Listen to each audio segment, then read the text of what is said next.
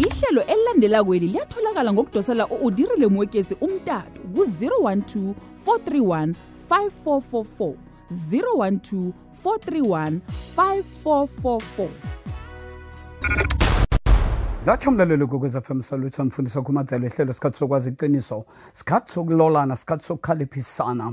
Kuphi nakuphi la ulalele khona? Asiphume erhaheni lethu asiphume ehlane lethu siphume ngamandla.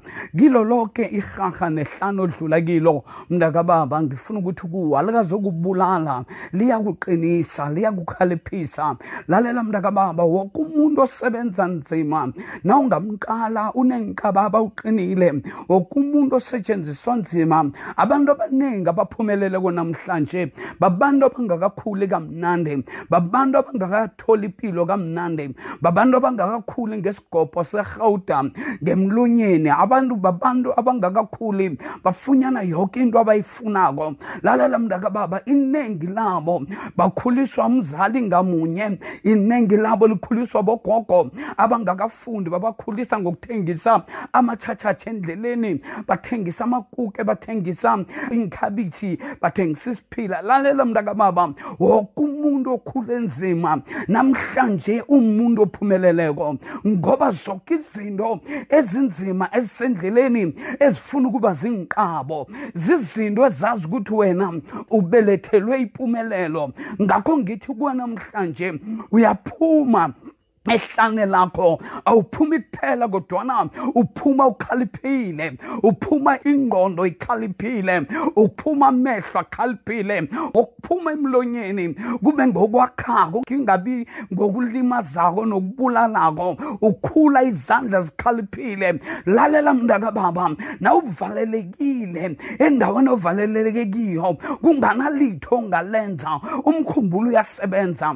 Bona bathi bakuvalele kanti bakulethe lapho ukuthi uzulule uqinise umzimba kanti na uzulula kuqinisa negazi ukuthi igazi lehle kuhle ehliziyweni ungabi nehayihayi na ulokhu uzulula ungendlini uqinisa nomkhumbulo ukwazi ukucabanga kuhle. Lalela mntakababa le ndawo kiyo ngikwazi ukuthi usendaweni enjani. Leyo ndawo oyibiza ukuthi lihlane lihlane likufundisela ikusasa lakho. Ngombanyana izolo namaphutho wenza izolo akanaso isiqundo ngempilo yakho. Namhlanje nakusasa zonke izinto ezikulimazileko zikulimaze ngoba zikuvula amehlo. Na uqala inxeba lakho la uhlakanipha khona.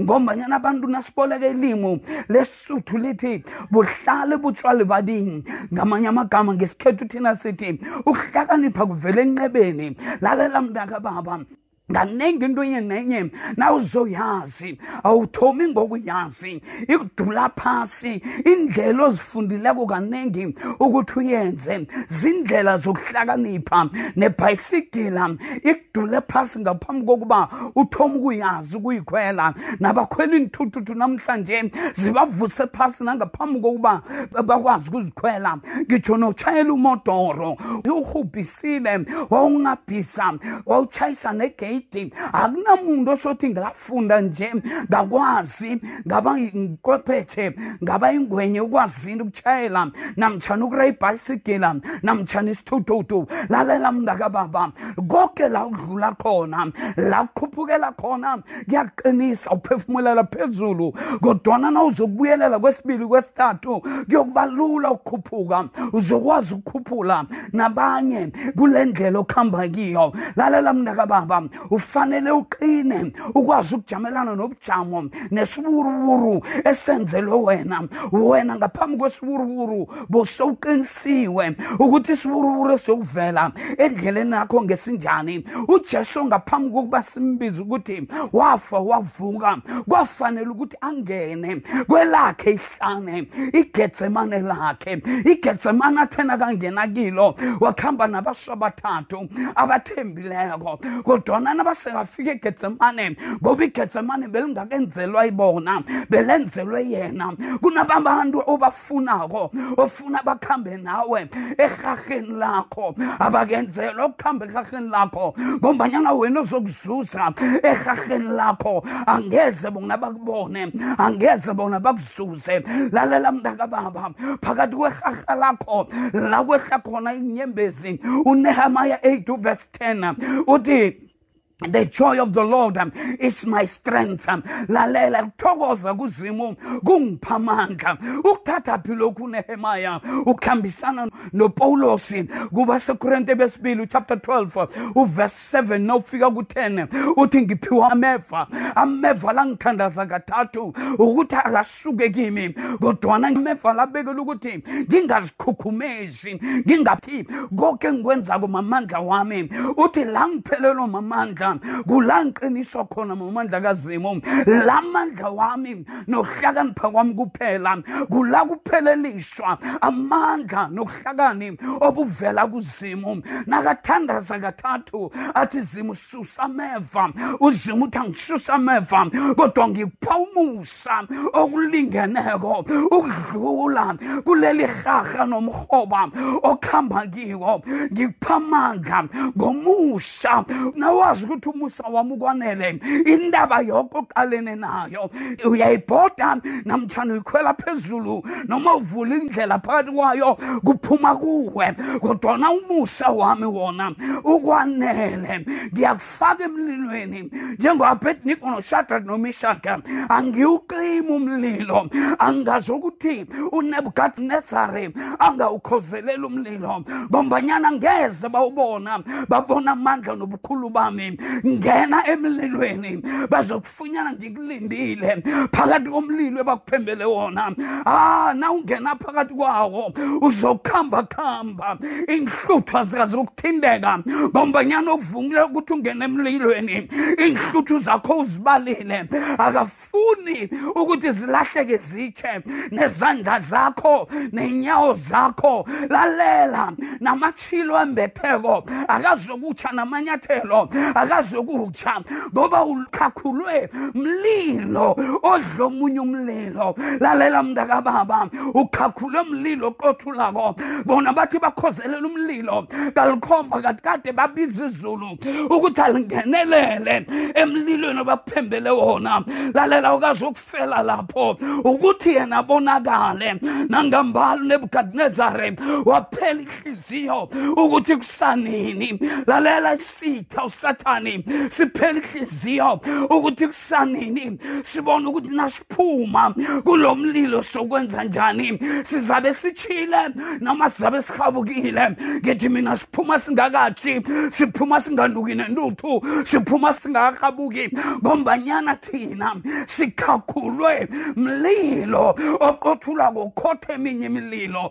Nakavuka ekuseni uthi abedniko shadrak nomishake ngabe uzimu wenu unikhuphile unisindisile. Nakathi uyalunguza ubona indoda yesine ikhamba phakathi komlilo. Lalela emlilweni awusiwedwa emlilweni unojesu emlilweni awukhambi wedwa. Likhona iwundlu lendlu kajese likhona iwundlu lendlu kadavida. Yena owabethelwa lalela mntakababa ngaphambi kokuba kusekelwe umhlaba nezulu yena wabulawa ekuthomeni. Lokhu kade nje aqedelela kwenza ekuthomeni. Ngakho athi ngaphambi kokuba u-abraham abe khona bengikhona ngoba yena buthomo ngoba uzimu nakade athi asenze umuntu ngomfuziselo wethu kade akhuluma newundlu nomoya oqwengileko. Konke kwenzeka nje yena sekakhona emlilweni ku-old testament. Izulu lehla ujesu wehla waba mlilo obiyela abasu abathathu ngoba bajama azange bavume iharha labo azange bavume ihlane labo libaqeda amandla libadanise. Bathi enkosini unebukadnezari bathi siyakuhlonipha nkosi siyakhothama phambi kwakho sithi bayede ngwenyama kodwa kodwana usingazimu yena asikazomlotsha nathi esikhathini esiphila kiso singawuhlonipha umbuso. Kizo zonke izinto bathi sibahloniphe ngoba uzima uthi siwuhloniphe umbuso. Kodwana la sebaphuma elawulweni likazimu nentandweni kazimu asikazobathobela. Ngoba omunye usingazimu asikazomlotsha esimlotshako ngulo zimu nasiphuma nakuleli haha nakuleli hlane kufanele kubonakale. Abamlotshako uzimo ophilako ongalalo ongozeli. Siyokuphuma sinamandla siyokuphuma sinendlela eziningi esizokwazi ukuziphilisa ngazo. Siyokuphuma singasiba abantu abakhongozelako. Sathanda ukukhongozela ukukhongozela kwethu kusenza ukuthi kungabonakali namakhono wethu. Kwaba mhlagwanyana omncane umbuso usenzelani kwaba ngokuncancane umbuso usenzelani silemeke kumbi. Umbuso weSouth Africa ngiyowodwa okwazi ukupha abantu izindlu mahala dutshiya bangakenzi litho bentwana besanyana bafuna izindlu. Umbuso weSouth Africa ngiyowodwa okwazi ukubhadela abentazana ababelethako bathi umbuso uzasondlela abentwana. Ngiwo wodwa lo mbuso sithanda ukukhongozela nala sifanele sisebenze khona. Ngakho umnotho wethu phasi ngoba abantu abatsha bethu akunanto enye abayikhumbulako. Ngaphandle kokuthi siyetshwaleni ngaphandle kokuthi akhe sibelethe ukuthi kukhuphuka imali egranti. Lalela mntaka baba sebenza ngezakho izandla nangomkhumbulo wakho ukuthi ukwazi ukuchiyela abantwana bakho. Ilifa ngeze wachiya indlu ye-rdp uthi lifa labantwana bakho wakwayakhi ngezandla. Zakho. Angikhulumi nabantu abadala abazixhogelabo ngikhuluma nabantu abatsha abasesenamandla. Okungazenzela izinto ngezandla zabo nangemkhumbulo yabo. Lalela mndaka baba namtshana urabhula kulo mrhoba yazi ukuthi uzimo uthi ukuhamba nawe lo mrhoba ngowesikhatshana uzokudlula uzokudlula ngamandla uzokuphumela ngale. Unamandla uloliwe ukhaliphisiwe ngoba ukuthokoza kukasomnini kumamandla wakho. Ngakho ujesu wadlula ulakhe ihlani okuyigetsemane noma thi ingathani ikapho leyadlula uthi zima kungenzeki yami inando kodwana kwenzeke yakho inando. Sidlula kulo mrhoba esidlula kiyo sidlula kulamahlane esidlula kiyo sidlula kule migodi nemililo esiphenjelwe yona. Ngoba uzima funa kufezeke intando yakhe ufuna kwenzeke okuyintando yakhe. Ngempilo zethu sithi nasiphumela ngale abantu bangaboni thina kodwana babone yena babone nentando yakhe babone ubukhulu bakhe bakhazimulise yena. Bathi nangambala laba bantu balotsha uzimu ophilako. Kungakho uzakariya athi kufanele nasenimphilele uzima unibonakala izizwe ezilithumi zize zikakarele izembatho zenu zithi sifuna ukumlotsha uzima nimlotshako lo simbonile empilweni zenu nakithi-ke emaphilweni wethu abantu abambone. Njengoba wethu ujesu wadlula egetsemane igetsemane kade limlungiselela ukuyokuthwala isiphambano. Igetsemane kade limlungiselela ukukhafulelwa nokuhletshwa nokuhlekwa kade lilungiselela nawe ngombanyana uthi ofuna ukungilandela nayo indlela engidlule ngayo uzokufanele adlule kiyo. Kodwana isesebudisi njengeyami ngoba mna senginqobile. Nawufunda ujohn 16 verse 33 uthi lalelani nizokhakha iye nizokuhlangana neentshijilo ephasini. Kodwana uthi jabulani ngoba senginqobele zonke iintshijilo enkalana nazo ngezesikhatshana ngoba zona sezingaphasi kwenyawo zami. Ufuna ukungilandela akazidele nentando yakhe nokukhukhumala kwakhe. Adele athwale sakhe isiphambano athwale umrhoba wakhe athwale umrhoba wenyembezi wakhe athwale irharha lakhe adlule emlilweni akhe adlule emanzini enzelwe wona adlule emgodini wengwenyama abekelwe wona. Njengodaniyele bekasazi ukuthi udaniyeli uyokuphoselwa emgodini wengwenyama kodwana ngoba sazi ukuthi ujame eqinisweni benganalitho kade bangalifunyana ngodaniyele nawe-ke jama nemsebenzini ungabi khona into abangayithola bakuhlazise ngayo hlala eqinisweni likasomnini. Mkhonze uthembeke. Nemsebenzini uthembeke. Ungabi livila ungaladelwa fika ngesikhathi. Emsebenzini yenza izinto zakho ngesikhathi. Nabazifuna bafunyane sowuzenzile ngombanyana wena ufani nabanye. Ungafuni ukulandelelwa. Akusimnandi ukulandelelwa ukuthi yenza lokhu ungakakwenzi. Kutsho ukuthi awukazinikeli kule nto ofuna ukuyenza vuka emaqandeni yenza izinto zakho ngesikhathi ukuthi uzimwe umkhonzako abantu bakwazi ukumbona bamfune bonke emsebenzini. Bathi ngitsho nokuphetheko athi nangafana nodzwamari lo ngajabula nangafunyana istaff esifana nodzwamari nodlamaga lo ngajabula. Ibubulo lethu lingathuthuka ngombanyana kunomehluko. Ungabi ngileli thwenyo u-ww inhlupho wazalwa waba inhlupho wafa. Lalela iba ngu-ww isibusiso wazalwa waba isibusiso walala isibusiso. Siyakhunjulwa enikhathini ezinzima. Kuthiwa ngathana udlamaga kade asesekhona. Lobu bujamo kade azobuchugulula benziwe ngale ndlela. Abantu abakuhamba nozimu abamaziyo kuzimabo udaniyeli athi kuchapter 11 verse 32 esesifunda yona yodwa uthi bazokujama baqine isibindi benze izinto ezimangalisako awenzi izinto ezimangalisako kungananto ekupressurizako kufanele kube nento egadangelako kube nento ekusunduzako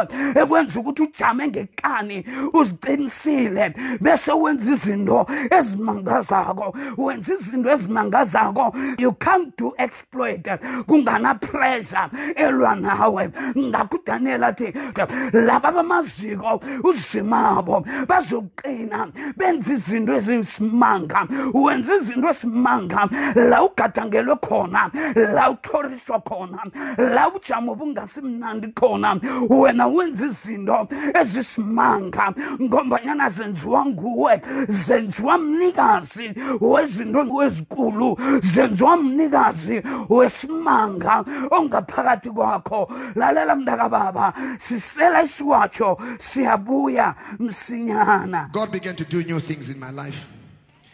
I met with different people and I was introduced to spirit music and I was taught about the importance of a song. And this is a song that I wrote because I was inspired by the greatest.